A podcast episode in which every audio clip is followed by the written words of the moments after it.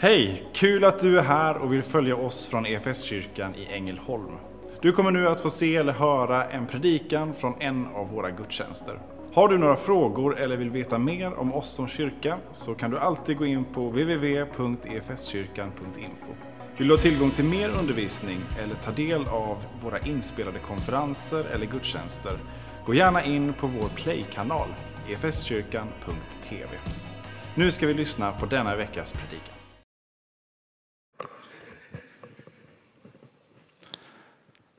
Fjärde söndagen i advent och temat är Herrens moder. Jag tittade i kalendern och såg det eh, temat för några veckor sedan och insåg att då ska jag predika. Och när jag såg det så eh, upplevde jag någonting las på mitt hjärta som var stort, svårt. Eh, och funderade på, är det bara en tanke eller är det Gud? Och så läser jag dagens evangelietext en tid senare och får en bekräftelse på att ja, det, jag tror att det är det här som du vill säga Herre. Ehm. Och ni som har hört mig predika förut, ni vet att jag brukar förhålla mig ganska fritt till mitt manus, mina stödord. Idag så har jag eh, skrivit predikan i fulltext eh, och har framför mig, det brukar jag inte göra. Eh, men jag är noga med formuleringarna idag och jag vill slippa stå här och fundera på hur jag ska formulera mig. Det ger också en möjlighet för den som vill att efter eh, gudstjänsten få predikan i eh, utskriven form för att läsa och, eh, och pröva i den formen och inte bara lyssna på den. Så ha överseende med mig om ni tycker att jag är lite för låst vid predikstolen idag och vid texten. Men tänk på det som istället att ni får lyssna till, till kanske också en läsning då kanske. Vi ber. Tack Jesus för att du är god mot oss och att du är nådefull. Tack för att du vill väcka våra hjärtan därför att du älskar oss otroligt mycket. Det är därför som du har blivit människa. Du har stigit ner rakt i vårt mörker för att ge oss ljus. Ljus över oss själva, över våra hjärtan. Ljus över den här världen som vi lever i som, som saknar dig och som i desperation ropar efter dig fast man inte känner dig.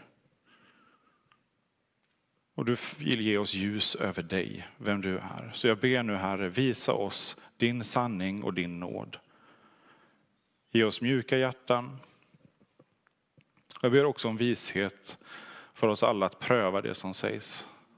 Att bevara det som är gott. I Jesu namn. Amen. Vi läser ifrån eh, Lukas evangeliet kapitel 1 och vers 39 och framåt. Några dagar efteråt, och då är detta alltså precis efter att Maria har fått reda på av eh, ängeln Gabriel att hon ska få en son. Några dagar efteråt gav sig Maria iväg och skyndade till en stad i Judabergsbygd. Hon gick till Sakarias hus och sökte upp Elisabet. När Elisabet hörde Marias hälsning sparkade barnet till i henne och hon fylldes av helig ande. Hon ropade med hög röst, välsignad är du mer än andra kvinnor och välsignat det barn som du bär inom dig. Hur kan det hända att min herres mor kommer till mig? När mina öron hörde din hälsning sparkade barnet till i mig av fröjd. Salig hon som trodde till det som Herren har låtit säga henne ska gå i uppfyllelse.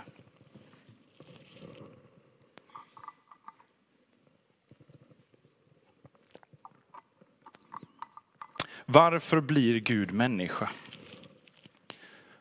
Varför blir Gud människa? Det är för att rädda den här världen. För att rädda människan. Därför att människan är särskild Människan är Guds avbild. Människan har en själ, ett heligt liv och är någonting annat än djur. Så varför blir Gud människa? Varför måste Gud rädda den här världen? Därför att människan har vänt sig från sin skapare och från sitt ursprung. Människan har vänt sig från livets källa och konsekvensen för det är död.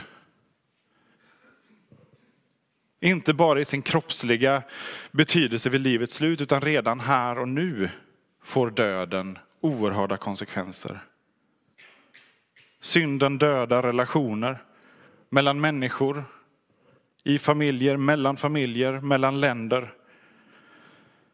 Den dödar individer, dödar individers livsglädje genom mobbing, självhat, missbruk och vi kan fortsätta hur länge som helst. Ni vet, ni känner till vilken värld vi lever i. Vi lever i en trasig värld. Vi lever i en sjuk värld. För att vi har kommit så långt från vårt syfte, för att vår avbild är förvriden. Vi är skapade i Guds avbild, men den är förvriden av synden. Och Gud skulle med rätta kunna bränna allt. I sin heliga rättfärdighet. För att göra slut på ondskan.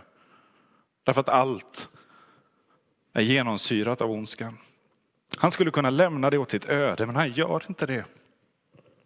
Han gör inte det därför att människan ligger på hans hjärta. Som ett barn på en förälders hjärta. Och där en förälders hjärta inte längre räcker till och kan nå en bortre gräns när det vuxna barnet begår svåra brott till exempel mot familjen eller kontakten sägs upp. Där går Gud en annan väg. Gud går en annan väg och han går mycket längre. Gud blir människa. Och han föds mitt in i det här. Han står inte på distans och pekar ut en väg, en, en väg att gå genom att skärpa oss eller rycka upp oss. Därför att det går inte. Det är omöjligt. Istället går Gud själv in i det allra mörkaste. Medveten om att han, Guds son, själv kommer att drabbas av den mörkaste ondska.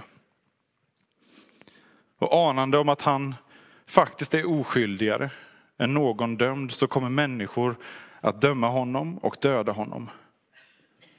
För att han uppenbarade sanningen. För att han uppenbarade synden. Och för att han uppenbarade Guds nåd, räddningen, genom honom själv. Därför har vi också påsken med oss mitt i julen och inkarnationens mysterium. För att förlåtelse genom tron på honom ska bli tillgänglig. Men typiskt för vår värld, typiskt för synden och för mänskligt beteende är att vi försöker ursäkta eller förmildra det vi egentligen vet är fel. Det finns många exempel på det. Olika personer kämpar med olika saker och olika personer försvarar olika saker. Vredesutbrott i familjen, våld, förskingring på jobbet, orättfärdiga utvisningar av asylsökande, missbruk, frossande konsumism, misshandel, lögner, otrohet. När sanningen om oss själva blir för tung, då är frestelsen väldigt stor att vi försöker skriva om verkligheten. För alla dessa har Guds son blivit människa. För alla oss har Guds son dött och uppstått. Och Det är sant också för det som jag ser och som har väckts i den här texten. Men som vårt samhälle har kommit överens om att förneka. Det faktum att ett foster är en människa. En ofödd människa. En person. Jag tror att det finns ett särskilt tilltal om det i den här texten, även om jag är medveten om att det inte är textens huvudbudskap. Men det är en konsekvens som vi kan dra av många bibelställen och som vi också ser i den här berättelsen. Julevangeliet, berättelsen om den heliga familjen, den skildras, den återberättas och målas varje år med ett, ett fromt skimmer. Och det är fantastiskt fint att få ha det och få göra det. Men det är en berättelse på liv och död. Jag tror att vi i våra traditioner blir blinda för hur våldsamt det är de två första åren i Jesu liv. Vad som står på spel. Gud utsätter Maria för en stor risk. Och Jesus blir också utsatt för en risk. Jag kan inte låta bli att tänka med vår syn på oönskade graviditeter idag, vårt försvar för abort som rättighet, något etiskt okomplicerat. Vad hade Maria blivit rådd till att göra? Vad hade Josef rått henne till? Vad hade hennes föräldrar rått henne till? En tonårsgraviditet, inte planerad, inte önskad just då, inte med den hon var trolovad med. Och dessutom i en hederskultur där det drar skam över både henne, hennes föräldrar och hennes Josef. Jag tror att det är en allmän hälsning till kyrkan i vår tid, men jag tror också att det finns en särskild hälsning till dig som har genomgått en abort, eller i olika grad medverkat till en abort. Jag förstår att det här kommer oerhört nära för flera. Jag har stor respekt för det. Och att det för andra blir svårt därför att samtalet, om det ens finns något sådant, är så oerhört infekterat. Tonläget från båda sidor eller olika sidor är så oerhört högt. Men jag ber oss att bara få lyssna till detta i sin helhet, så pröva det. För att det som är sant, det håller att pröva. Och sanningen leder till frihet. Även om vägen dit faktiskt kan vara ganska smärtsam. Och vad ser vi i den här berättelsen? Bara dagar efter änglabesöket, bara dagar efter att Maria har blivit gravid, så söker hon upp Elisabet, den andra kvinnan i släkten, som nyligen har blivit mirakulöst gravid.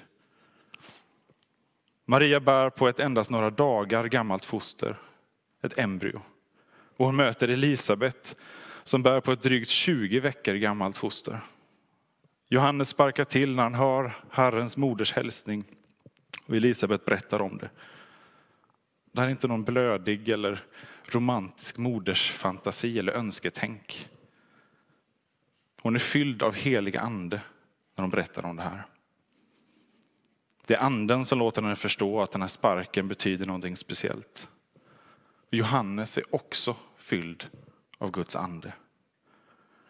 Det har ängeln berättat för Sakarias, Johannes far, att han skulle vara fylld av ande redan i moderlivet. Johannes, 20, kanske 25 veckor gammal, han är en person, en människa, fylld av Guds ande. Och han känner igen den ande som också fyller Jesus, som utgår från honom. Bara dagar gammal i Marias moderliv. När jag läser det här så klingar också orden från Saltaren från Jesu egen bönbok. Psalm 139. Du sammanvävde mig i moderlivet. Dina ögon såg mig när jag ännu var ett outvecklat foster. Alla mina dagar blev skrivna i din bok. De var bestämda innan någon av dem hade kommit.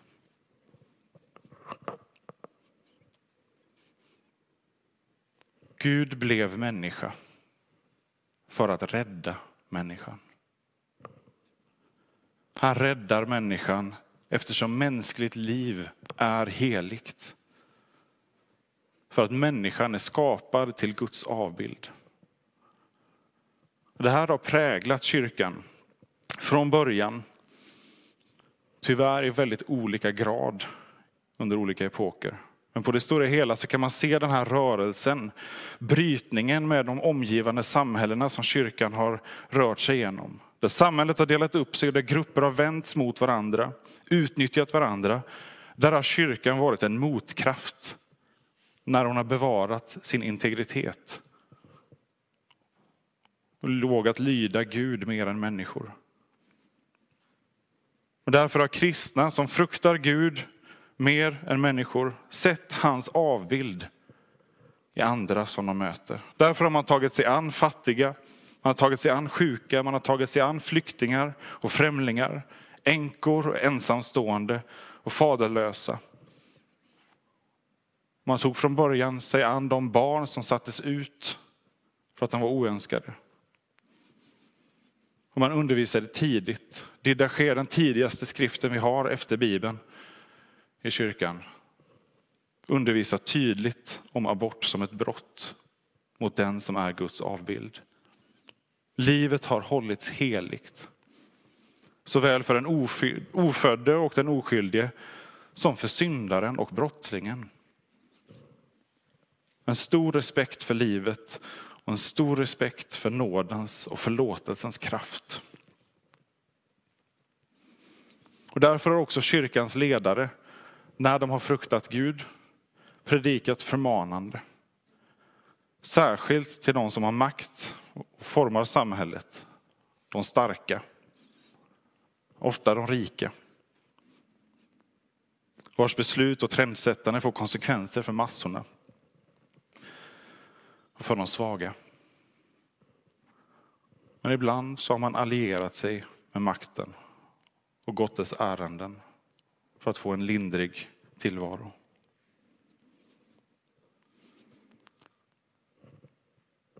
Vi behöver få bli upplysta eftersom vi så ofta på många sätt försöker förmildra omständigheterna. Den som anser sig vara förträfflig, den som anser sig vara utan skuld behöver bli upplyst om det. Jag behöver bli det. Jag har blivit det många gånger. Och för några av oss är det den stora utmaningen. Och för andra så är det redan självklart att man har gjort fel. Man vet precis. Och predikan om syndens verklighet lägger bara ytterligare en börda på ett redan tungt samvete. För vad gör jag av min skuld? Vad gör jag av min känsla av skuld som inte ger med sig? Fast jag eller andra försöker intala mig att det inte finns någon. Så långt behöver vi tala om det som är ont och det som är gott. Och vi behöver tala om förlåtelsen, om upprättelsen och om helandet som vi kan få ta emot när vi vänder oss till Jesus. Det är för den skull som han har kommit. För att möjliggöra förlåtelse. De flesta av oss i högre grad än vi förstår eftersom våra hjärtan har blivit förhärdade och dövade av lögner som upprepas i världen.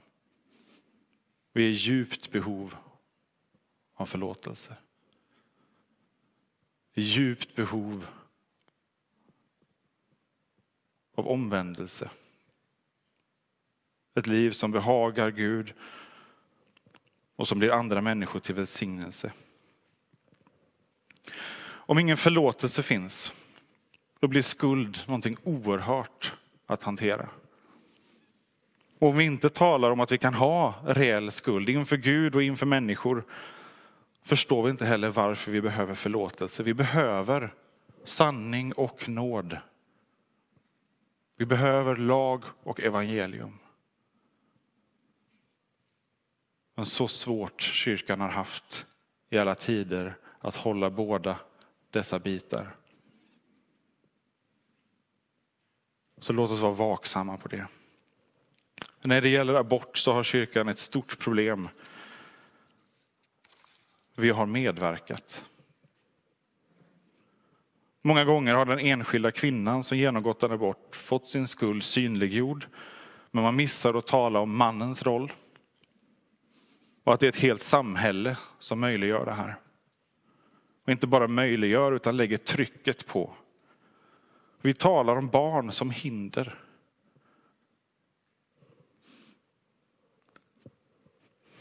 Att ett barn med funktionsnedsättning blir ett oöverstigligt, oöverstigligt hinder för föräldrarna, någonting som inte är önskat. Att det vore bättre för det barnet att inte födas.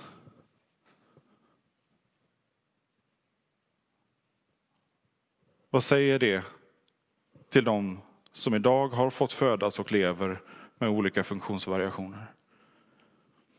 Eller att en flicka väntas födas och föräldrarna av olika anledningar hellre vill ha en pojke. Där statistiken visar att när man har fått reda på kön så är det de valen man gör. Vad säger det om kvinnan? Som är Guds avbild. Eller så är det bara det att det inte passar. Det funkar inte just nu. Vi har inte förutsättningarna för att ta emot det här barnet. Men barnet finns redan. För här finns det en kollektiv skuld. Också i tystnaden, när man haft möjlighet att tala eller agera men valt tystnaden. Jag har själv del i det. Och skuld ligger också hos den som medverkar aktivt.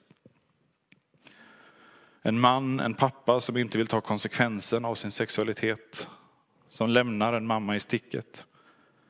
Mor eller farföräldrar som ser förlorade karriärsmöjligheter för sina barn. För kvinnan, för mannen, för dem runt omkring, för oss finns det förlåtelse att ta emot när vi omvänder oss. För detta blev Gud människa. För detta föddes Jesus. För att möjliggöra förlåtelse också för de gånger, de gärningar som har lett till att barn inte har fått födas. Och för dig som är direkt berörd av det här, som har genomgått en abort eller medverkat till det. Det finns förlåtelse. När vi vågar konfronteras med vår skuld, av våra skuldkänslor, då kan vi också ta ansvar. Konsekvenserna om intet görs inte, men du kan få upprättelse och kraft att leva med följderna av det. Guds nåd är inte billig och förlåtelsen är inte en flykt från ansvar. Tvärtom, att erkänna sin skuld, att be om förlåtelse och fortsatt leva för en annan värld, det är att ta ansvar. Du är högt älskad av Gud. Jag förstår att du mycket väl inför ditt val kanske inte har sett andra möjligheter. Inte heller har givits det av någon i din omgivning. Och det är sannolikt att jag skulle ha gjort samma val, givet dina förutsättningar. Men om du nu ser något annat och inte vet vad du ska göra av det, så hör av dig. Jag kommer att lyssna. Jag kommer inte att döma dig. Och jag kommer att ge dig det stöd jag kan för att du ska kunna komma igenom. Vill du hellre prata med en kvinna än med mig så löser vi det. Det finns människor som är beredda att lyssna och att stötta. Du är högt älskad och jag vet att Gud vill ge dig en väg framåt i förlåtelse och utan skam.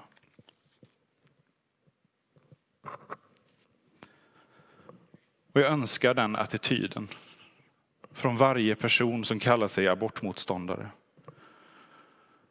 Att du är lika ovillkorligt som du försvarar den ofödde, också lika ovillkorligt och ödmjukt erbjuder barmhärtighet i en situation som vårt samhälle, den här världen har gjort nästintill omöjlig. Likaväl som vi sakligt behöver hjälpa varandra att inse våra blinda fläckar, vår synd, likaväl ska vi också älska varandra högt. Och inte förakta, inte se ner på eller tala illa om den som har gjort något som vi själva vet är fel som vi har fått uppenbarelse om. Jakob, Jesu egen bror, gör i sitt brev tydligt att vi inte får förbanna någon Guds avbild med vår tunga. Han skriver att vi inte ska göra skillnad på människor.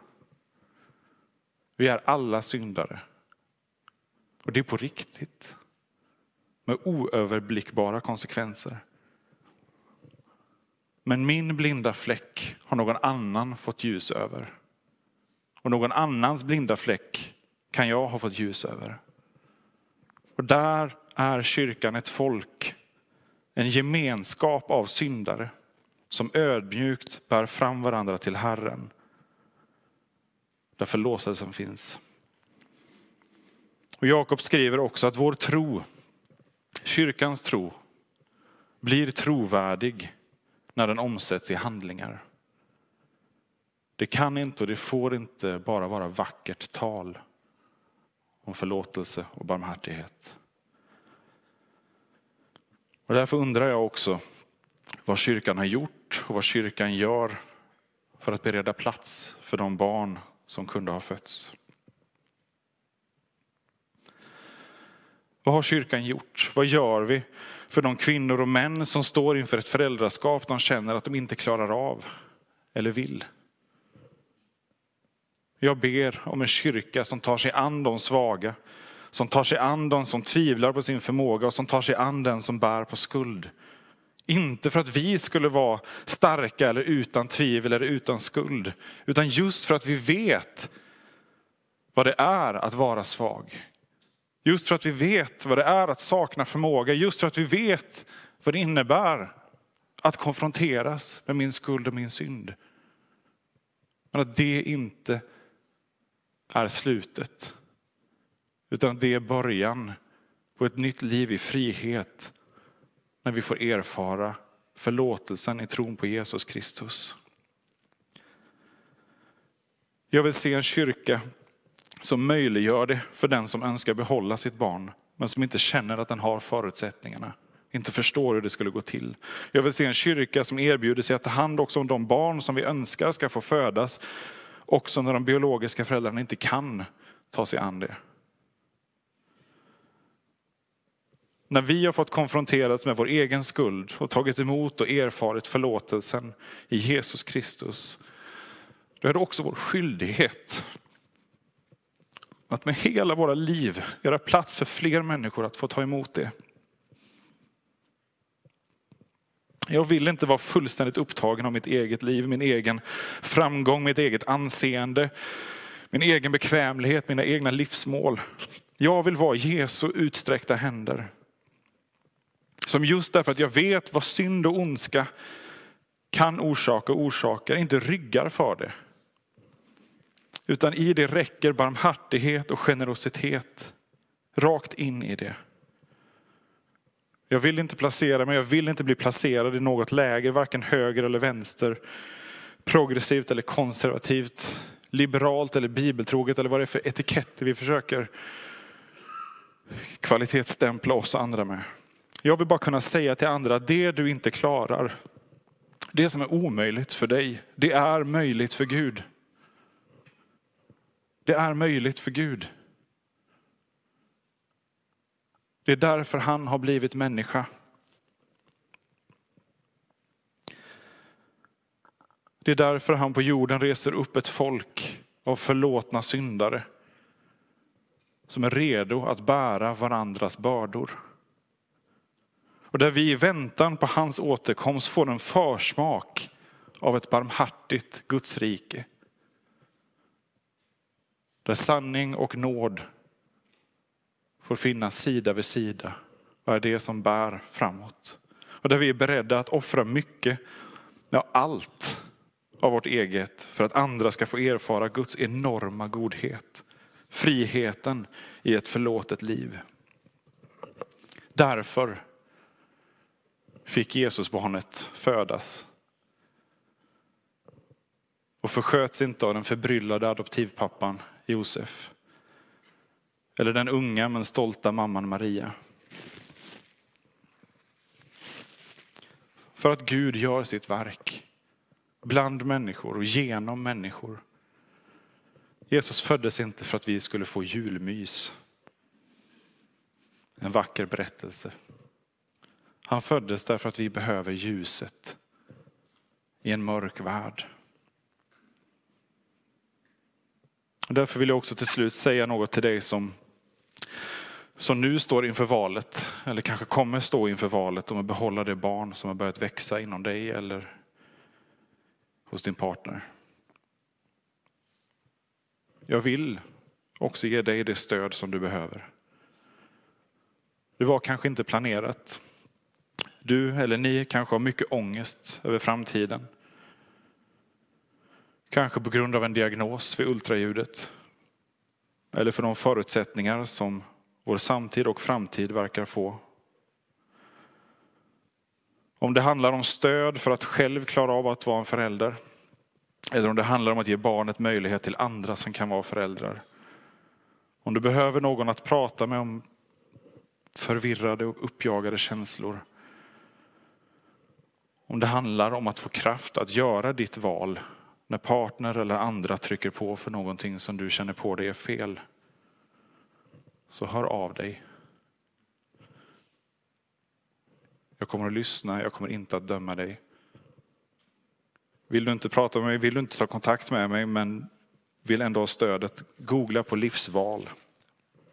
Livsval, en organisation som jobbar för att ge allt stöd man bara kan till den som är oplanerat eller oönskat gravid.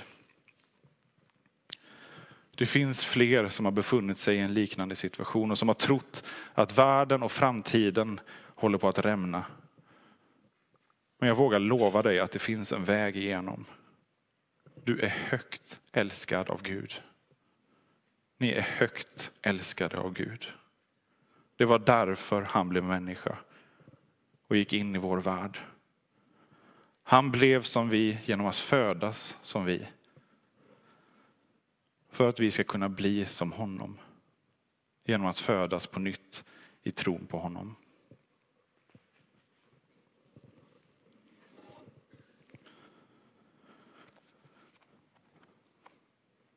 Jag vill avsluta med en bön, också den från Jesu egen bönbok, psalm 25. Låt det här få bli din bön också. Herre, jag sätter mitt hopp till dig. Du är min Gud. Jag förtröstar på dig, svik mig inte. Låt inte mina fiender triumfera. Den som hoppas på dig blir aldrig sviken. Men den trolöse ska stå där tomhänt. Herre, lär mig dina vägar, visa mig dina stigar. Led mig i din sanning, lär mig, du som är min Gud, min räddare. Ständigt hoppas jag på dig. Herre, kom ihåg din barmhärtighet, den godhet du alltid har visat. Glöm min ungdoms synder, allt jag har brutit. Tänk på mig i din trofasthet, Herre, du som är god. Herren är pålitlig och god, därför visar han syndarna vägen. Han leder de ödmjuka rätt, de ödmjuka lär han sin väg. Allt vad Herren gör är nåd och trofasthet mot de som håller hans förbund och hans bud. Herre, min synd är stor.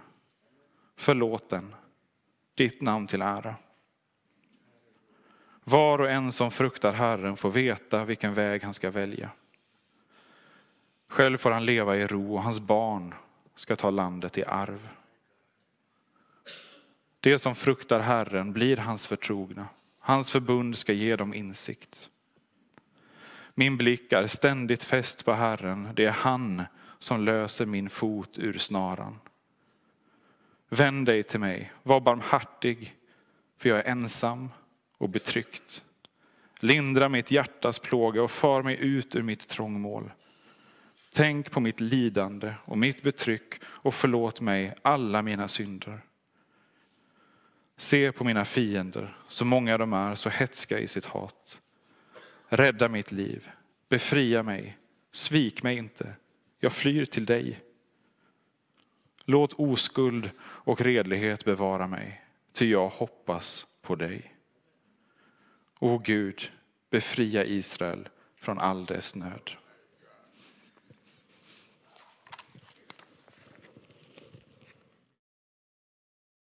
Som kyrka är det en glädje att få spela en liten roll av allt Gud gör i och genom ditt liv. Vi vill gärna fortsätta följa dig på den resan. Och vill du ta reda på vad ditt nästa steg kan vara på din resa med Gud så gå in på efskyrkan.info nästa steg. Vår längtan är att få se människor och samhällen förvandlade av Jesus.